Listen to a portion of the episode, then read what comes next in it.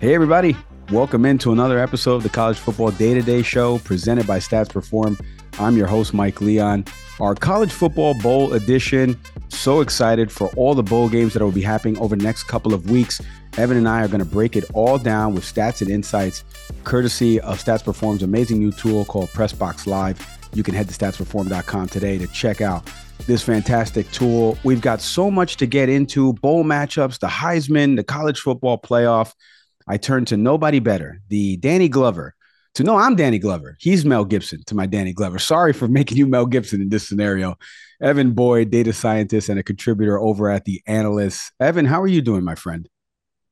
I feel like you've made worse comparisons for me, so I'll, I'll accept it. But I'm good. You know, I'm tired of this World Cup news. I want college football bowl games. It's that time of the year. I don't care about soccer right now. It's it's all all about this college football. I want to see these random bowl games go on in the middle of December. It's that, time for this. That's right. That's right. Spoken like an American. That's right. But I mean, I agree. Yeah, really. You. Darn tootin'. Yeah. I'm I'm with you though. I want to see Maryland, NC State already. I want to I want to put some games on. Uh, you know, you're wearing a Wisconsin shirt for the people watching us on YouTube. I'm going to get your takes on on the new head coach there.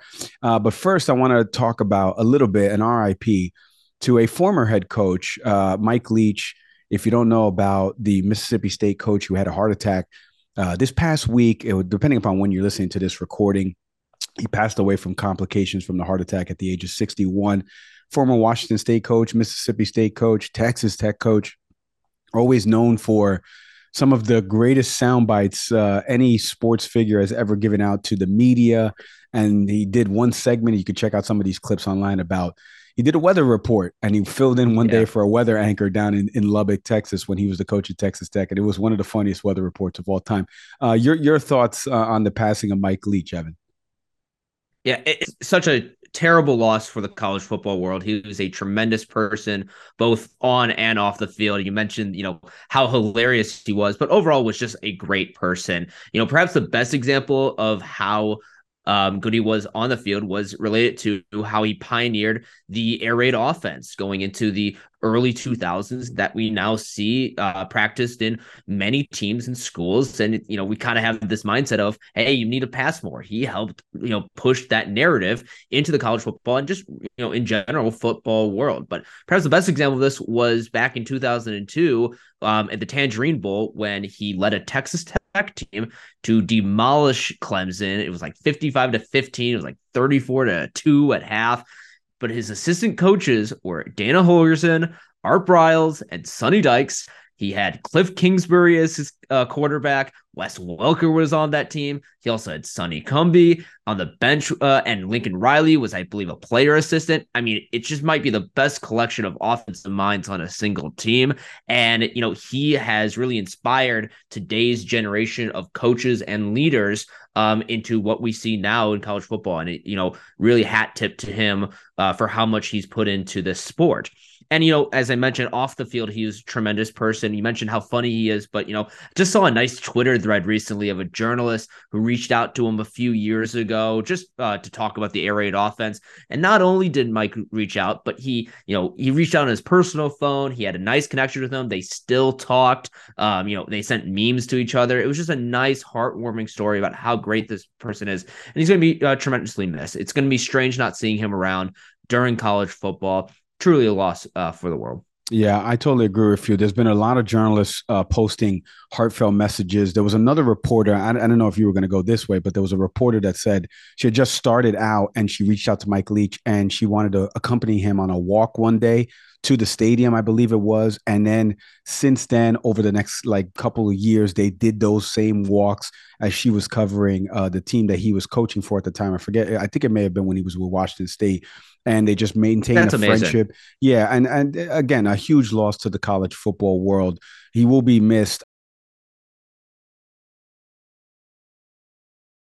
I want to real quick before we get into some of the bowl games that we like, and then the college football playoff itself.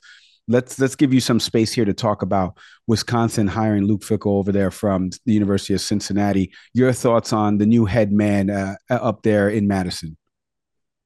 Yeah, I think it's almost unanimous that it's a slam dunk hire for Wisconsin. They lose Jim Leonhard. He's going to coach in the bowl game, but um, they're going to lose Jim Leonhard, who is you know a tremendous defensive mindset. I hope for the best for him. Um, he's a great person, great coach, and we'll see where he goes to. But when you can hire a guy like Luke Fickell, you hire a guy like Luke Fickell. Um, you know, Wisconsin was in the midst of its worst season in arguably 20 years. They barely made it to a bowl game. They lost to Minnesota again, and they've been practically embarrassed pretty much all season. They have not played well. The bowl game coming up for Luke Fickell might be rough. Um, you know, they're playing Oklahoma State. They're going to miss their three captains, Nick Herbig, Keanu Benton, and quarterback Graham Mertz. Um, Herbig and Keanu Benton are going to the NFL draft. Graham Mertz has transferred to Kentucky after such a disappointing and frustrating career uh, with Wisconsin for himself and for the team. Um, kind of just good that they mutually parted ways. It makes sense. Uh, you know, there's could be a surprise that they win this bowl game, but there's also a chance they get demolished. I don't think it's something we really need to uh, focus on for Luke Fickell because the future does look bright. Fickell has been able to retain some of his players from transferring. He's added some of his best recruiters for Cincinnati. They've been able to take some commits from Cincinnati and bring them to Wisconsin. Um, and you know, it seems like that it's actually working. They've had four verbal commits already within the last uh, week, and I think they're going to get more and more coming in. They will need to dive into the transfer portal. Fickell has stated that he doesn't really want to rely on that as a coach. I understand that, but it's kind of in desperate times right now. They need a quarterback, and they might have one in Nick Evers. He's a four star quarterback who's transferring from Oklahoma. He just visited Madison. There's a chance they could land him. That would be big. Wisconsin also has a uh, recruit coming in who plays quarterback. He's a three star. I don't know if he can start right away, though. We'll see. But they've snagged Mike Tressel from Cincinnati. He's going to be a defensive coordinator coordinator and I believe linebackers coach. He's the nephew of Jim Tressel, the Ohio State great. They also got Phil Longo from UNC. That's a huge move. He was the offense coordinator who had gave UNC one of the best offenses this season, and he uses that air raid offense similar to Mike Leach used in the past. So we may no longer see Wisconsin as this running back university, which is going to be very interesting. This could turn into a school that relies on the passing game and recruits from all around the nation. So I think it's a new direction for Wisconsin that could work. But all in all, Wisconsin wants to see two things. They want to beat Minnesota. They've lost back to back seasons to the Gophers for the first time since 1993 and 94. They want the axe back. That is the most important thing. If it's a bad season, you say, hey, if they can win the axe, it's a good season. But they also want to go back to the Big Ten championship game. They have not done that in the last three years. Luke Fickell has hopes for the national championship, but I would say let's stick to going to the Big Ten championship. They have a chance to do that. They have a very important game next year in Madison against Ohio State. If they win that game, it's going to be huge for Fickell and the program. I'd like to see that as the key motivator for Fickell going into the 2023 season. But all in all, I think it's an amazing hire. I think it's the best they could have possibly gotten. I think other teams are jealous of Wisconsin right now. And we can see Wisconsin going back into the national highlights um, in a few years. But yeah. as you can obviously tell uh, with my sweatshirt, I am a fan. Uh, maybe I'm a little bit biased, but I do think it's unanimous that this is a great hire for them. No, I and I, I will echo what you just said there. Um, I, jealousy, yes, a, a, little bit. As somebody that's been up to Madison before and seen the facilities, uh, I, I am the the Big Ten West is a lot easier uh, of a path to navigate than the Big Ten East. Everyone knows that, and Wisconsin had kind of dominated it for for a stretch there, and then you know over the last couple of years with what PJ Fleck has done in Minnesota, and and Brohm had just took Purdue out of the West, especially Bret Bielema. Bret Bielema yeah. had Illinois yeah. this year, just a couple of games that they kind of gave away there, and we know about the call against Michigan that they didn't get. So um, the West is very winnable for a lot of teams, and eight and four won it this year. So not a a, a arduous road to get to the Big Ten championship uh, on the national stage, potentially as well. I mean, we've seen how so many first round picks come out of Wisconsin, Melvin Gordon, right? And we know how I feel about Jonathan Taylor uh, growing up in Jersey and should have went to Rutgers. But anyway, uh, yeah, so amazing hire for for for Wisconsin there and the program. Real quick, I want to brag on how high I was on uh, USC and Caleb Williams uh, in terms of winning the Heisman Trophy. He had been my pick since day one. I just love everything about this kid and the determination and grit that he plays with, even though they were not able to overcome uh, that one loss that they had to Utah early in the year on the road. They got, you know, that game was close in the fourth quarter, and then Utah, a couple scores late, mm-hmm. pushed that out. Utah will play in the Rose Bowl. We'll get to Utah in a little bit. But Caleb Williams beating out Max Duggan, uh, CJ Stroud, and Stetson Bennett. That that was the uh, the top four there. Stetson Bennett, excuse me. Uh, Williams had 544 votes. Duggan finished second with 188 first place votes. Okay, so it was a lot of people uh, on their ballot had uh, obviously Caleb Williams winning the Heisman Trophy there. Give me some of your thoughts real quick on the Heisman Trophy and, and Williams' season overall. I'm not surprised he won, and congratulations for you know picking that. I guess, Mike. Congrats. Uh, yes, yes. Pat yourself on the shoulder. Um, I'm a little bit surprised about how much he won because Duggan did have a tremendous season, and I will say he got a little bit lucky with Hendon Hooker getting injured. Um, C.J. Stroud, you know, was my pick for the longest time, but you know what? He didn't win against Michigan at home. That really should, just, and he didn't get to a Big Ten championship game as a result. That should really disqualify, not disqualify him, but you know what I mean. Like it, it should set him down a few tiers in the Heisman ranking, despite his tremendous season. So I think it makes sense for Williams. I would have liked to see uh, Hendon Hooker, you know, with a full season, see how that worked. But um, also really happy they actually mentioned Stetson Bennett too, because maybe numbers wise, you don't see Bennett up there, but he had a phenomenal season. He was near, he's been near perfect in many games this season. And granted, he has some tremendous uh, receivers and a great offensive line, but he had a really, really good season. I'm really happy for him getting a lot of votes there. Yeah, I agree. I mean, I think Georgia is such a complete team that he kind of gets overlooked uh, with respect to that.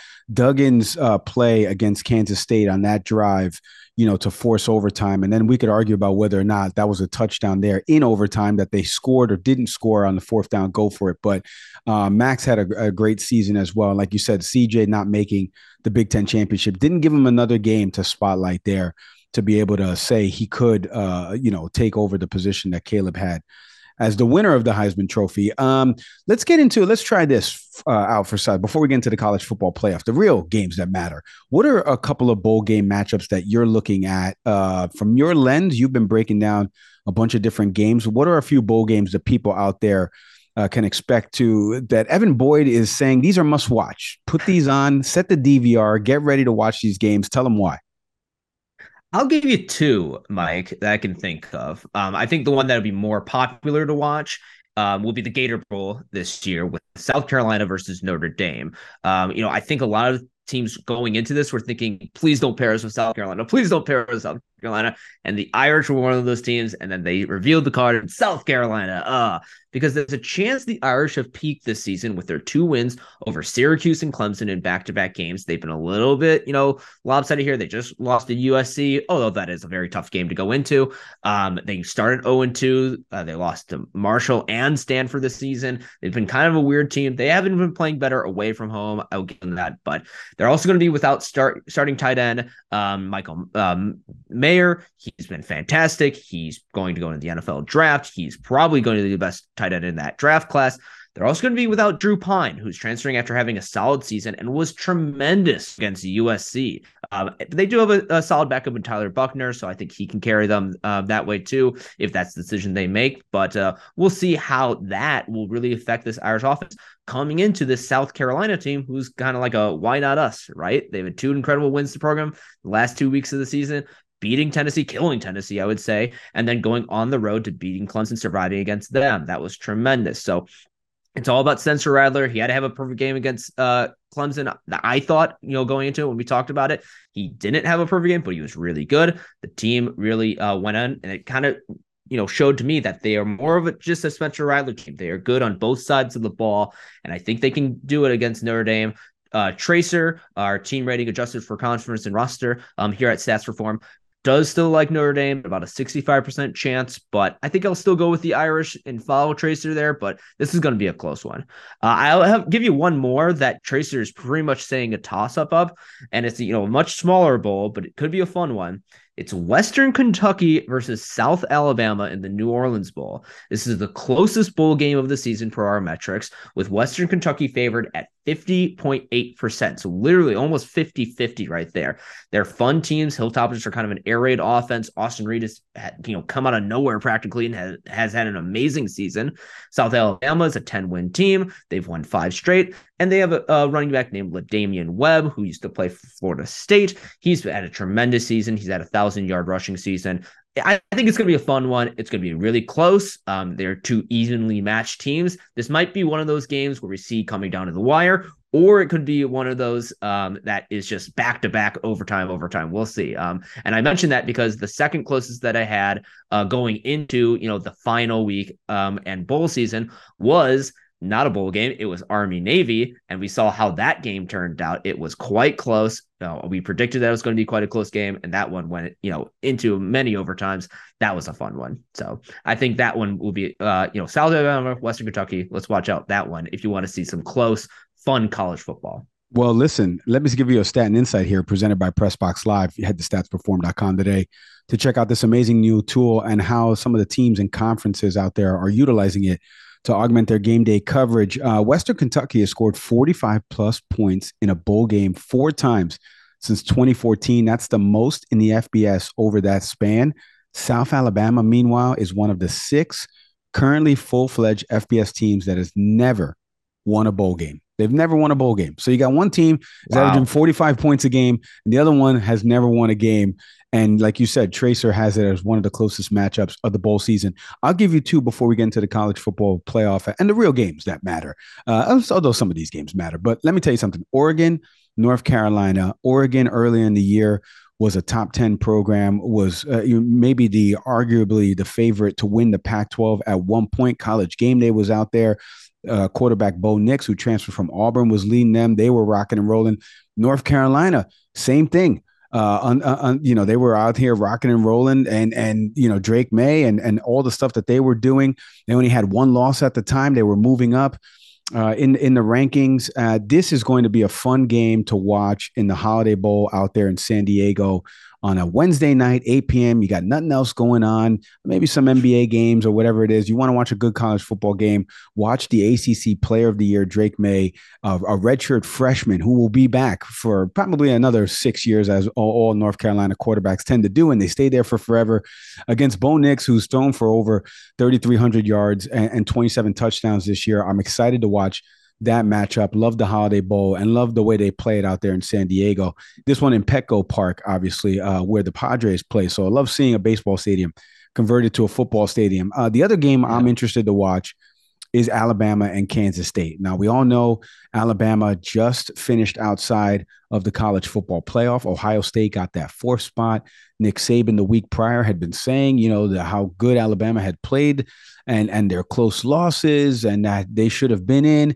They did not get in. Mm-hmm. How do they rebound now taking on the team that won the Big 12 championship and beat TCU. I was happy that the committee actually kept TCU in just because of how close that game was mm-hmm. with Kansas State. But it'll be interesting to see how Alabama responds not getting into the dance, right? And how K State responds yeah. fresh off of beating a team that's in the playoff and winning their conference, right? Will Howard played really well in that game. Does Adrian Martinez come back, and each of them are taking a turn under center. We'll see, but I think that's one of the the, the marquee matchups for this bowl season. I, am I'm, I'm, glad you mentioned that. I'm glad you mentioned that actually because about Nick Saban uh, saying that you know they're better than people think even with two losses because uh, stats has a metric called playoff uh, potential. It just kind of shows you know, if given this team and given what their future might look like in the rest of their schedule, are they a potential candidate for the college football playoff? Like, do they have the potential? And the higher you are, the more likely you're going to be.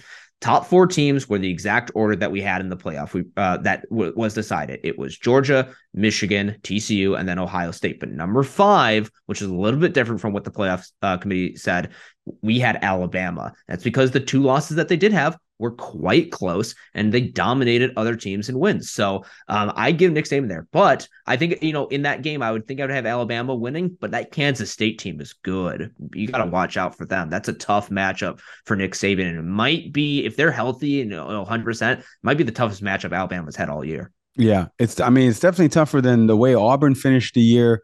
Uh, so, I mean, this is interesting. Again, the layoff. This is a December thirty first game, so a few weeks from now, noon start, not like a prime time game. So, I'll be interested to see how Alabama kind of responds based off knowing that later on in the evening uh, are the games that they think that they should have been in. Right? That's always weird to to gauge college football athletes and how they respond to some of these bowl games and times and cities. Or is their heart in it, or are they preparing? For that next journey at the next level, which we know a lot of Alabama guys are, are going to play at the next level. Uh, speaking of the next level, the next level, the college football playoff, it'll be expanding in a few years to include more teams. But for right now, it's four teams. And we just mentioned the top four with Georgia, Michigan, TCU, and Ohio State. The first matchup is TCU and Michigan. Those two will be playing on New Year's Eve for a spot in the national championship game.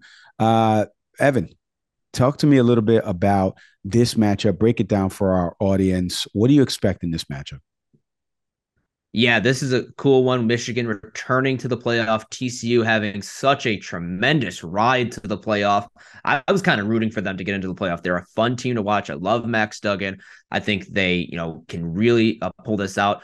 But I feel like going into this, people are going to think it's heavy Michigan. So I want to talk about what can TCU do to win this game? And it is revolving around Max Duggan. Time and time again has Duggan carried this team to a win, whether it's been on a you know last second setup for a game will go to uh, key drives towards the ends of games. He has been there.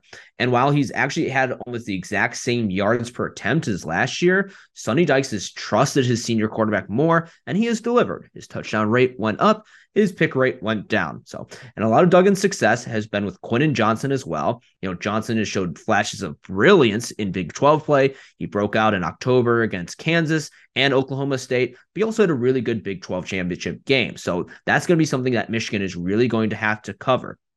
Um, I also like to point out that Michigan also has a free safety named Quentin Johnson, spelled slightly differently. So I am begging the football gods to give us a Quentin Johnson versus Quentin Johnson matchup. That's going to be great. But but jokes aside, um, it could be freshman Will Johnson, so still a Johnson Johnson matchup. My goodness, um, uh, that will go against Quentin Johnson, the TCU uh, one, and that will be really good because Will Johnson just had a tremendous game in the Big Ten championship game. He picked off Aidan O'Connell of Purdue twice and he is starting to cement himself as one of the best defenders in college football. He's a freshman, so that's really cool to see.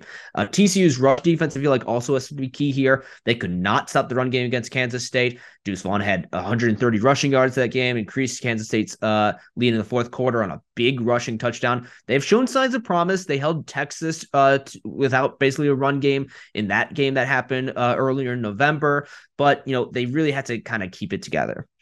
Let's focus on Michigan now, too the last two games have proven that they don't need Blake Corum to win a national title, which is you know kind of crazy to think about. He had the Heisman hopes, um, you know, but Donovan Edwards has racked up 401 rushing yards in Michigan's last two games. He's averaging eight and a half yards per carry. I mean, this is unreal stuff.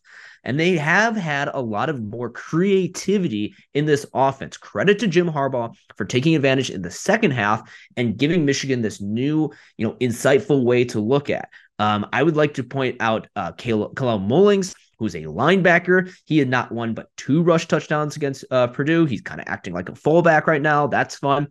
He also, if you recall, had a third down jump pass against Ohio State that eventually led to a TD on that drive. Might have been my favorite play call from any team this season, despite the being, you know, being short, not really great, but it was just such a brilliant move and it caught Ohio State completely off guard. I thought it was amazing and really turned the tide in that game. So, like I said uh, briefly before, second half has been all Michigan two. They outscored Purdue by 20 points in the second half, outscored Ohio State by 25 points. You know, those were close games at halftime. Credit to Jim Harbaugh for making second half decisions and making sure that he can get his team to this uh, point right now. I think the same is going to happen in this TCU game. I think we're going to find that's going to be close, but they're going to make adjustments against Duggan and Quentin Johnson that matchup, perhaps double teaming him and leaving the rest of the zone. And they're going to, you know, just run right through TCU and win in the second half. So um, Tracer has this game at about a 65% chance for Michigan. I'm going to go with the Wolverines here and get them into a national title game. Incredibly interesting because uh, I think I'm with you as well in terms of seeing Michigan this year, especially the second half adjustments that you mentioned. I watched it against my alma mater, Rutgers. They were trailing in that game, and in the second half, blew their doors off. Uh, TCU has let teams in in games. Uh, we saw it with Texas Tech when they were at home. We saw the road game at Baylor. Their defense hasn't gotten pivotal stops at pivotal moments whereas Michigan has, but we can also talk about the Big 12, high scoring offenses in the Big 12, whereas the Big 10, a lot more running offenses and things like that. Maybe Purdue, not the same elk as a Kansas State. We're going to find out in this matchup. But I do like the Wolverines just based off the experience of last year. And Donovan Edwards, like you mentioned, has been on a tear again, my big thing is the layoff, right? These guys now have not played a game since mm-hmm. you know end of November. T, uh, TCU had an extra week with the championship game in the Big Twelve. We'll see if any of that factors in. But I'm with you. I, I like Michigan to advance and get to that final championship game and, and avenge the loss that they had last year. By the way, this is the first time these teams are meeting uh, in the bowl season uh, in their program's history. The last time the Horned Frogs appeared in the Fiesta Bowl. It was in the 2020, 2010 season, excuse me. They lost 17 to 10 to Boise State. Michigan, last time they were in the Fiesta Bowl, 1986, and they edged Nebraska wow. 27 to 23. Those stats and insights presented by Pressbox Live. All right, let's move into the other matchup. Let's see who's going to join Michigan in that championship game. A huge one here. And again, if you had uh, before the season kind of pegged which two teams would potentially face in the finals uh, game of the college football season. If you had guessed Georgia, Ohio State, a lot of people would probably agree with you, right? If you had put that out there, because you know Georgia and Alabama, one of them is going to knock each other off, and then Ohio State, Michigan, one of them is going to knock each other off. Well, here we are. Georgia is going to play Ohio State. It's the night game at the Mercedes-Benz Stadium there in Atlanta at the Chick Fil A Peach Bowl.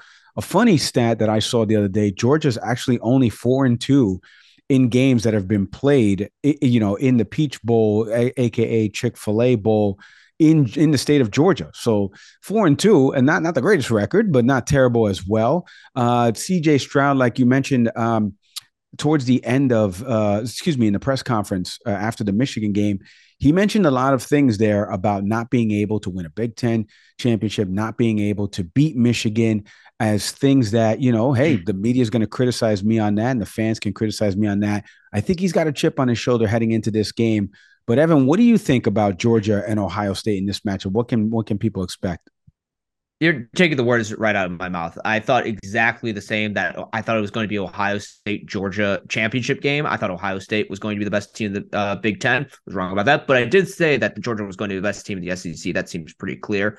Um, and I thought it was going to be a championship game, but I guess we're lucky to have it as a semifinal um, instead.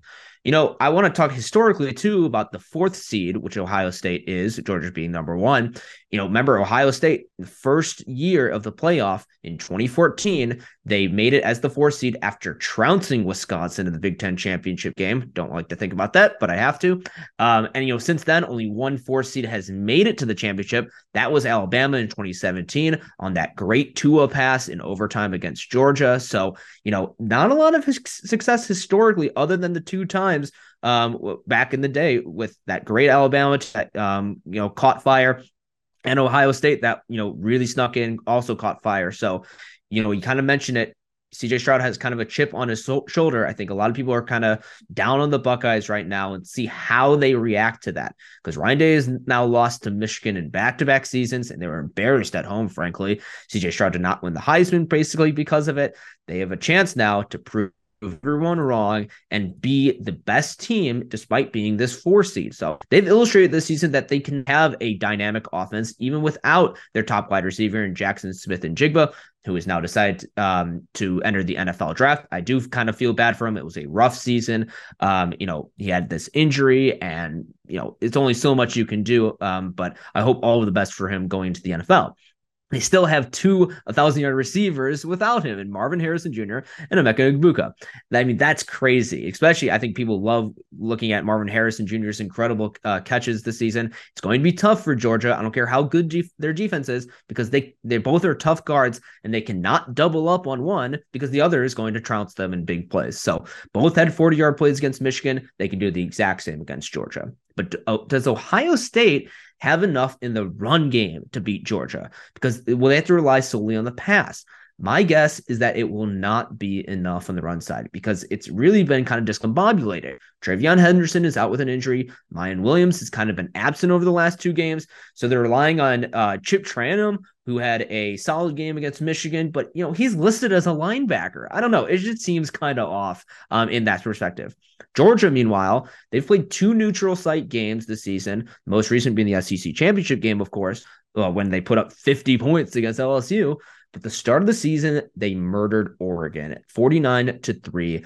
It was still probably the most impressive win I've seen by any team this season. It wasn't even close from the start. They had everything cooking from Stetson Bennett to the defense to their crazy uh, receivers. I think they're the most dynamic team this season on both sides of the ball. And I think that's what's going to propel them in this game. They rank eighth in the FBS in offensive tracer and third in defensive tracer. So there's one of those teams that is top 10 in both though they did allow over 500 pass yards to LSU. I want to point that out because this is a chance that CJ Stroud can throw for 500 yards and they still might uh, lose that game because what about the running game? But Georgia allows the fewest rush yards per game, under three yards per carry. So I think it's going to Ohio State's going to have to rely entirely on this air raid offense. Kind of that's kind of the theme of this podcast, hasn't it? Um, I think special teams can come in clutch as well, just like how it did against LSU. They had uh, blocked a field goal, returned it for a touchdown. Stetson Bennett's been great rush game as many threats. Um, I like to look at um, Brock Bowers being one of the best tight ends this season, but I also love Darnell Washington. He's 6'7, 270 pounds. He hurdles players. He's a freak athlete. He had a great uh, SEC championship. I think he's going to be uh, a possible, you know, guy to watch out for going into uh, just playoff and let alone this game. Tracer uh, surprisingly has Ohio State favored at about 55%, but it's a close one. It's going to be really close. That's really because we've had Ohio State as a significant offensive threat more than Georgia, who's still really good uh, on both sides. I think this will be a really close one. I think it'll be closer than Michigan and TCU. The Buckeyes will have to rely on the deep ball to win, and I do think they're going to get some key passes to uh, either get them into uh, the game after a deficit or maybe just start off the game. I don't think it's going to be enough, though. I think there's part of me that wants to lean Georgia here. I think they're just overall well balanced. They've obviously they won last year. They've been here before. And if CJ Stroud, you know, can't get to a Big Ten championship game, how much can I trust him in the playoff right now? You know, so I think I'm going to go with Georgia here. I think they are have a slightly better team. I'm going to say it's you know it's going to be like a 33-28 game. I think it's going to be you know have a decent amount of scoring, but Georgia will uh, take advantage here and they will move to the national championship.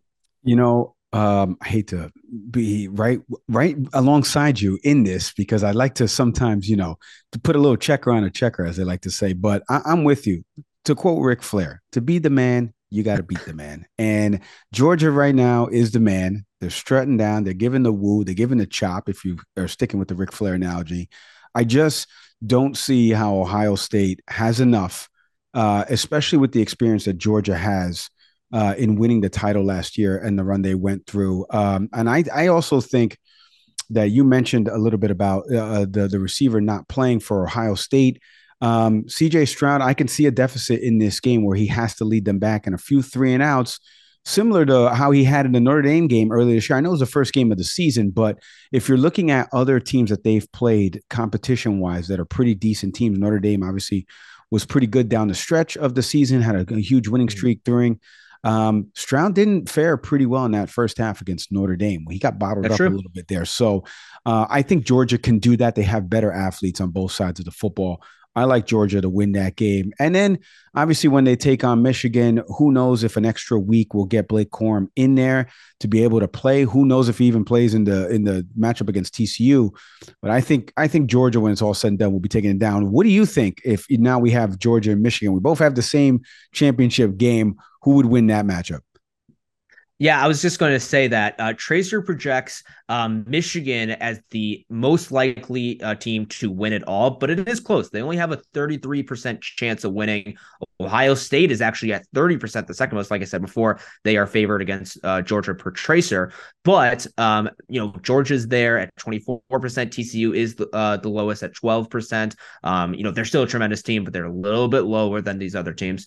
Um, so I will go Michigan um, in this and uh, give a shout out um, to JJ McCarthy and uh, in beating Georgia. I'd just like to uh, point that out because uh, JJ McCarthy, I don't know if I've uh, mentioned this uh, before, but McCarthy is uh, from LaGrange Park, Illinois, where I grew up. Um, so shout out to LGP um, and how he represents our nice little town in uh, western, uh, you know, west side of Chicago. Uh, oh, okay, interesting. Yeah. So just, now we just shout out, just shout out there. Yeah. Now we so, know why you're going with them. There. All right, all right. It wasn't just yeah, to spite yeah. me. Okay, it was it was because of the connection. No, it wasn't just to spite you. Yeah, yeah. yeah I like. He played he played at Naz Academy. He played at Naz Academy. I've been following him for a while, and you know, despite never throwing a football uh, in my life, I was you know right across the street in my you know post college days when he was in high school playing two on two football with my friends. So uh, I think he's had a better career perhaps, but you know I would you know we were just right there, you know. Well, only he saw us across the street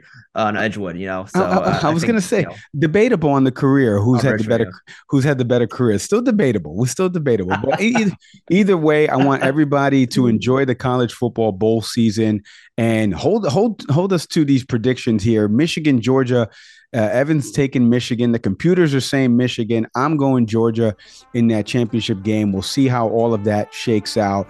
Enjoy your bowl season, your holiday season. Please stay safe out there, everybody. Shout out to everybody that's been watching and listening. If you want to learn more about the stats and insights that we mentioned uh, on this program, you can head to statsperform.com today to check out that amazing tool called Pressbox Live and see how Teams, conferences, broadcasters, and more are using this tool to help augment their game day coverage on Saturdays. My thank yous, as always, to Evan Boyd for this fantastic season of college football breakdown. It's been fun, Evan. We'll probably do something in the spring when it comes to college basketball. So we'll be back over on the analyst. You can check Definitely. out all the amazing work over at theanalyst.com across all the sports that we cover here at Stats Perform. For Evan Boyd, I'm Mike Leon. Thank you, everybody, for watching, listening, and we'll see you next time.